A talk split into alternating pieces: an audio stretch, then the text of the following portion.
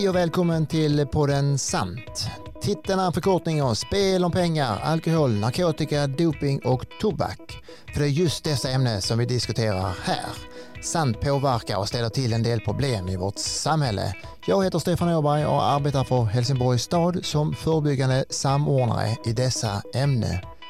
Och vill du ha massor av förebyggande tips, gå då in på hemsidan verktygsladanhbg.se. I dagens avsnitt diskuteras om narkotikaprisutvecklingen. Har narkotikapriset förändrats med åren? Ulf Guttomsson från CAN har studerat detta och kommer ge svar på frågan. Då kör vi! Hej och välkommen till Santpodden Ulf Guttomsson. Tack så mycket. Uttalar jag ditt eh, efternamn rätt? Guttormsson är helt perfekt. Ah, är det isländskt eller norskt eller? Eh? Det är norskt förmodligen och var Guttorm från början ett tag. Ja, men då har vi rätt ut det. Och nyligen släpptes eh, en ny rapport om narkotikaprisutvecklingen i Sverige 1988 till 2019 som eh, vi strax ska gå in på. Men först skulle jag vilja veta hur förklarar man vad eh, CAN gör? Säger man CAN? Ja, jag måste bara fråga först, säger man CAN eller kan? För jag har hört lite både och där. Man säger CAN. Vi försöker illustrera det med att vi har två punkter mellan bokstäverna i vår förkortning. Men många säger kan ändå. Är man engelsktalande säger man definitivt kan, eller can. Okej. Okay. Ja, men CRN står för Centralförbundet för alkohol och narkotikaupplysning. Eh, lite mer kortfattat försöker vi säga att vi är ett kompetenscentrum i drogfrågor.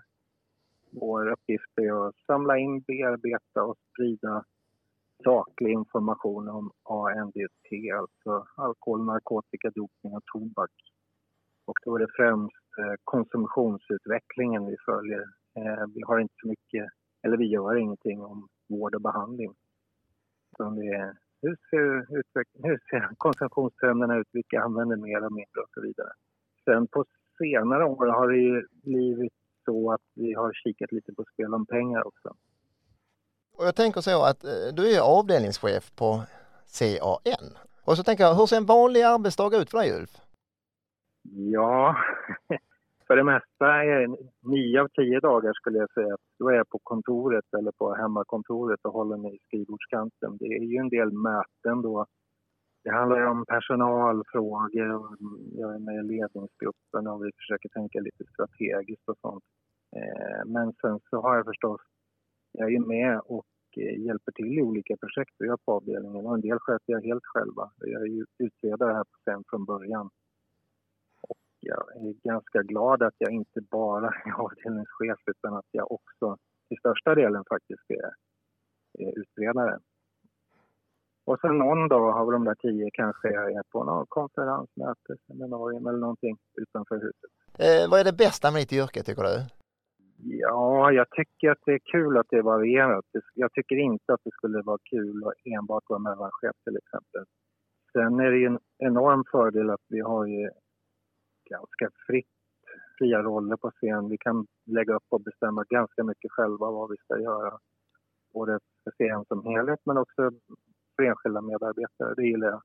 Man kan till och med bestämma över lite när man ska göra det och var någonstans man ska göra det. Så, så vi har ett ganska fritt, tycker jag, omväxlande yrkesliv. Mm. Men ni, ja, för ni är rätt så många som är anställda där uppe väl?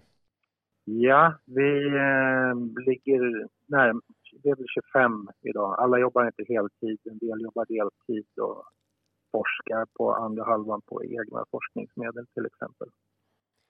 Du jobbar ju mycket med de här frågorna då och jag såg att du har varit anställd ganska länge på CON ju. Ja, 25. Är det 25? 25 okay. stämmer rätt bra på, på mina anställningsår också. Nej, för jag hittade gamla rapporter där när jag var inne på er hemsida och eh, så såg jag att de var gjorda för ett bra tag sedan. Men ditt namn kom upp där mm. i alla fall. Jag. Har varit anställd länge där. Vilken är den vanligaste frågan du brukar få när du är i tjänst? Det som vi är mest uppmärksammade för, det tror jag är vår skolundersökning. Så därmed blir det per automatik ganska mycket frågor om hur ungdomar beter sig idag. Är det sant att de dricker mindre? Eh, är det för att de spelar tv-spel och datorspel istället? Eller eh, är det så att de har bytt alkohol mot narkotika. Det är sådana frågor som rör vad skolungdomarna gör. Vad är du mest nöjd med hittills under de här 25 åren?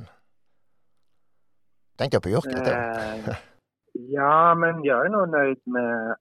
Jag tycker att vi har blivit proffsigare och proffsigare på oss igen. Vi har lärt oss mer och mer, gör bättre rapporter och sammanställningar. Kul också att vi fått in forskningen i huset. Det saknade vi tidigare.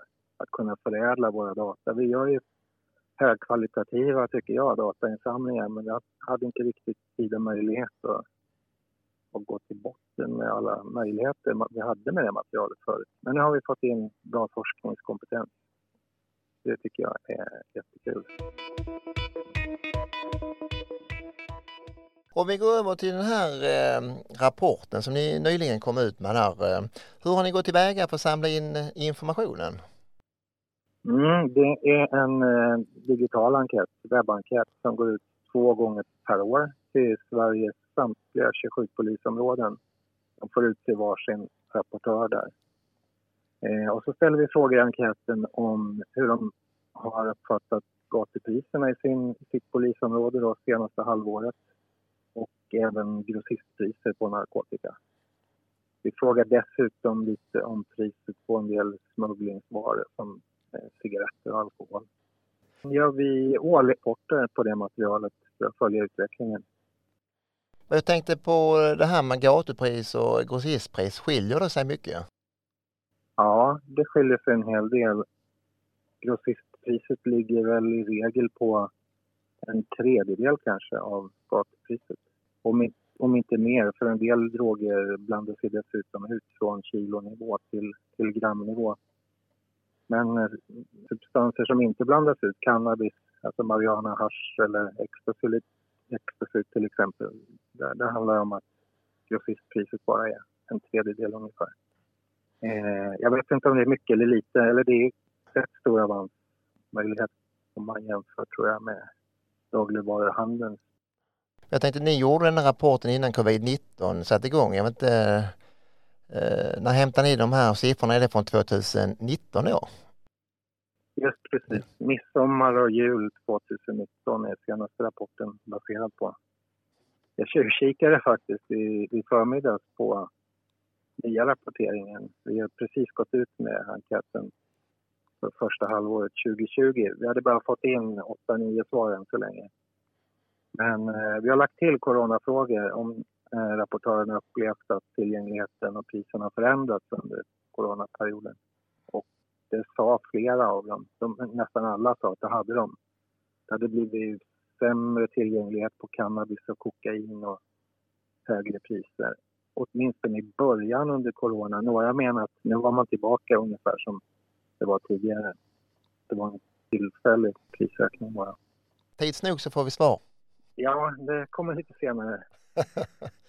Jag har en rapport eh, framför mig faktiskt mm. som jag skrivit ut där och, och, där kan man ju se lite prisutvecklingen på, eh, på de olika drogerna. Mm. Och det är lite svängningar och eh, kan du berätta lite kort om? Ja, ja vi har ju hållit på i 30 år och kikar man på he, hela den perioden, 30-årsperioden, då är det ganska kraftiga nedgångar på de flesta droger vi har följt så länge. Cannabis är i princip halverat ja, nästintill. Kokain har väl inte gått ner riktigt lika mycket men heroin och amfetamin är väl nere i en fjärdedel av vad det kostade för 30 år sedan. Ska jag lägga till i och för sig att det här är inflationsjusterade priser också eftersom inflationen haft en stor betydelse på de här 30 åren. Men eh, ja, cannabis ligger runt någon hundring eller lite drygt per gram. I regel köper man ju kanske fem gram på en gång till exempel. Men vi uttrycker allting i gram eller styckpriser. Amfetamin, ganska tydlig nedgång i gaspriset i år jämfört, eller 2019 jämfört med 2018. Det ligger på 200 kronor grammet nu, det är det lägsta vi har sett. Kanske inte ska göra för stort nummer av skillnaden från ett år till ett annat, det hoppar lite ibland, det har vi sett tidigare. Men det är all time low. Även grossistpriserna för amfetamin har sjunkit. Så det... Ja, för jag ser även heroinet har gått ner i prismässigt. Ja. Ja, det är nog inte minskad efterfrågan i alla fall. Alltså att eh, försäljarna skulle försöka locka kunder med rea eller liknande. Utan det är nog att det är billigare. Jag tror distributionen har blivit effektivare tack vare digitala hjälpmedel, GPS för mobiler och så vidare. Kanske har pengatvätten blivit billigare också. Det sägs så i alla fall i några EU-rapporter. Det låter konstigt. Man tycker att det skulle vara jättelätt att spåra penningströmmar idag. Allting sker digitalt. Men det går tydligen fint ändå att tvätta. Sen för svensk del så tror jag att det har blivit en större konkurrens. Konsumtionen är lite högre än för säg 10 år sedan och i synnerhet 30 år sedan. Så det har blivit fler grossister och, och försäljare som prövar lyckan mer eller mindre framgångsrikt. Då. Men det, det, det trycker ner priserna. Det som inte har någon större betydelse det är ju produktionspriset i, producentlandet. Som konsumenterna när USA betalat kokain. Och så fann man att eh, ungefär 1 av det som slutkonsumenten betalar, det, det, var kostnaden för produktionen, eller det är kokabonden. Så det är väldigt mycket påslag däremellan och det handlar ju om att kompensera sig för de risker man tar. Man kan råka i konflikt med rivaliserande gäng och det blir våld eller så åker man fast och får sitta i fängelse. Och rimligen vill folk ha betalt för att ta sådana risker. Så ungefär hälften av, av priset på narkotikan det var inte relaterat till förpackning, transport och säljarlön utan det var just det här risktagandet att det var höga påslag i varje led i distributionen. Hur tror du det ser ut om eh, 5-10 år? För nu har priserna gått neråt. Har du en gissning där? Ja, nej men de senaste 5-10 åren har det ändå varit ganska stabila priser, kanske lite mer. Cannabis utgör ett undantag. Cannabispriserna gick upp för tio år sedan och har legat lite högre men det handlar uteslutande om att THC-halten ökar också som egentligen är... Man får en större mängd THC för pengarna idag än förut trots att det är lite dyrare. Men ja, det har ju varit någorlunda stabilt ändå de sista 5-10 åren. Min bästa gissning är att det kommer att vara, se ungefär likadant ut det ska ju till mycket förändring på efterfrågesidan om priserna ska ändras, det tror jag inte kommer att ske. Eller så ska det till stora förändringar på utbudssidan, att man vad kan man tänka sig? Att våra grannländer legaliserar, det kommer de inte att göra. Eller att man lyckas slå ut alla aktörer som handlar på internationell nivå. Det undrar jag också om man kommer att göra inom 50 år. Så jag säger ungefär som idag. Det är min bästa gissning. Ja, jag ringer upp dig sen om 50 år igen. Ja, vi får, får kolla av det. får vi ta en lägesrapport. Men jag tänkte på, om jag hoppar tillbaks till amfetaminet och några andra droger så har det ju rejäl sänkning som sagt. Eh, handlar det om att efterfrågan inte är så stor eller? När muren föll så började det produceras en hel del amfetamin österöver, Baltikum, Polen, Tjeckien. Och det är kanske det vi fortfarande ser effekter av, att det blev en större konkurrens på den internationella marknaden. På 70 80-talen var det främst Nederländerna, Belgien. Det finns ju en intressant historia från Stockholm och 70-talet. Det var en amfetaminhandlare som hette Karl Pauch som var känd och tydligen kontrollerade Stockholmsmarknaden nästan helt på egen hand. Så när han åkte fast så var det torka i ganska lång tid. Men så ser det alltså inte ut idag. Skulle man ta en stor amfetaminleverantör så finns det ytterligare ett antal stora som håller på parallellt och beredda att ta över den lilla luckan i marknaden. Är det liknande prisbild runt om i Sverige om man tänker på lilla, lilla ska jag inte säga men Skåne i alla fall? Eh, om man jämför Skåne mot Stockholm och Norrland? Det var faktiskt större skillnader sett söder, mellan Sverige och norr förut. De ser ut att ha jämnats ut lite men vill man vara säker på att handla billigt så ska man väl åka till Skåne ändå mycket av narkotikan kommer ju via färjetrafik och över bron. Sen kostar det ytterligare lite att transportera den upp till Norrland. Man tar lite mer risker och man måste betala lite bensin. Men, det, men priserna har jämnats ut lite, det har de faktiskt. Sen har man fått, fått bättre tillgänglighet i Norrland om man vågar använda Darknet och har, om man har flyttat hemifrån och har eget brevlåda och eget kontokort så kanske man kan postorderhandla lite. Och att det kan ha satt lite tryck på de lokala försäljarna om man jämför med andra länder, är det stor skillnad på priset? Ja, vi ligger på en högre prisnivå än vad hur det ser ut nere på kontinenten. Det gör vi. Vi följer samma trender. Det finns information om kokain och heroinprisutvecklingen i Västeuropa sedan början på 90-talet. Och jämför vi våra svenska priser med dem så är det ungefär samma trender så vi påverkas av den internationella marknaden. Men det är dyrare här i Sverige. Sämre, mindre konkurrens och längre avstånd. Eh, men vill man få riktigt hög avsättning för sin narkotika då ska man åka till Norge. Där är det riktigt starkare krona och sist liksom på, på, på distributionskedjan. Kan det handla om andra saker också, att priset är så högt här i Sverige? Tittar man på eh, hur många som använder narkotika i Sverige om man jämför mot andra länder så ligger vi ju ganska bra till ju.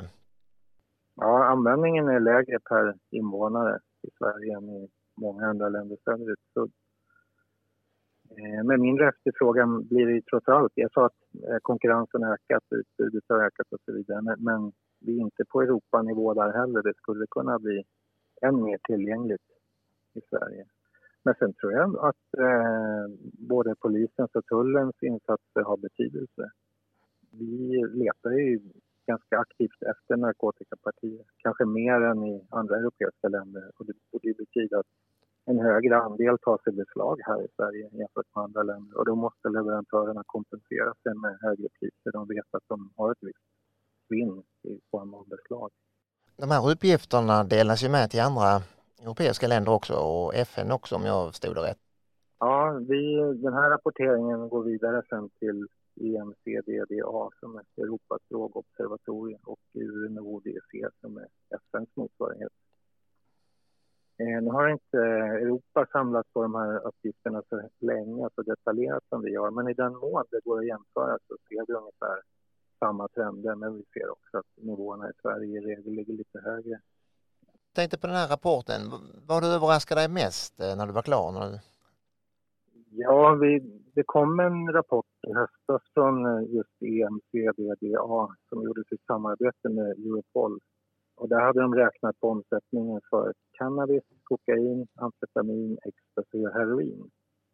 Och kom fram till att en ganska stor andel, där jag minns inte på raka, men 40 procent av marknaden bestod av, omsättningen bestod av cannabisintäkter. Och vi gjorde samma räkneövning för svensk del och kom fram till att ungefär 45 procent av omsättningen för de fem substanserna utgörs av cannabis. Så även om kokain och heroin är ganska dyrt så är det mindre mängder. Så cannabis är alltså så pass viktigt i, i omsättningen för narkotika. Ja, och samtidigt tänker jag de som ska eh, smuggla in de här, eh, de här drogerna så är det ju, det krävs ju större lastutrymme om man säger så, för cannabis om man jämför med många andra droger ju. Ja, det är mer skrymmande det är det ju och du måste ju vara ihärdigare när du säljer. Ett gram cannabis som sagt kostar någon dryg hundring men säljer du ett gram kokain då kanske du har 900 i handeln. Så det är stora volymer på cannabis, det är det till nästa år då ska regeringen, eh, de har en ny ANT-strategi som ska börja gälla då från, eh, från och med nästa år. Mm. Och, eh, och de kommer lägga mycket fokus på ämnet då, narkotika ju. Eh, och mycket kraft ska läggas på barn och unga samt samverkan med, mellan olika aktörer. Hur tror du den här strategin kan påverka narkotikaprisutvecklingen? Vi har inte sett riktigt var det landar än, men Ja, för det första en utgångspunkt är att ju dyrare narkotika desto bättre tänker man ju, för då är den ekonomiska tillgängligheten ja, i linje med alkohol. Vi har alkoholskatter för att vi inte ska lockas att konsumera för mycket. Detsamma borde väl gälla på narkotika också.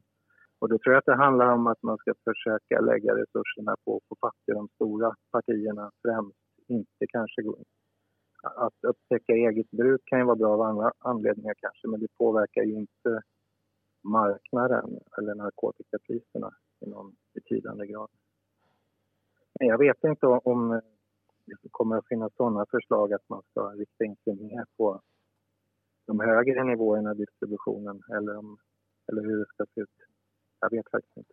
Om vi nu ska summera detta här, eh, det här avsnittet. Eh, mm. Vad tycker du är en bra summering? Eh, ja, men vi får väl säga då att under de här 30 åren vi följt narkotikapriserna så har de sjunkit eh, mer eller mindre mycket och att de har legat stabilt under de senaste 5-10 åren ungefär. Och det är väl vad vi kan förvänta oss framöver också tror jag, ungefär samma prisnivå. Då får jag säga tack för eh, att ni lyssnade och extra tack till dig Ulf för den sakliga informationen eh, du gav. Tack så mycket! Tack så mycket!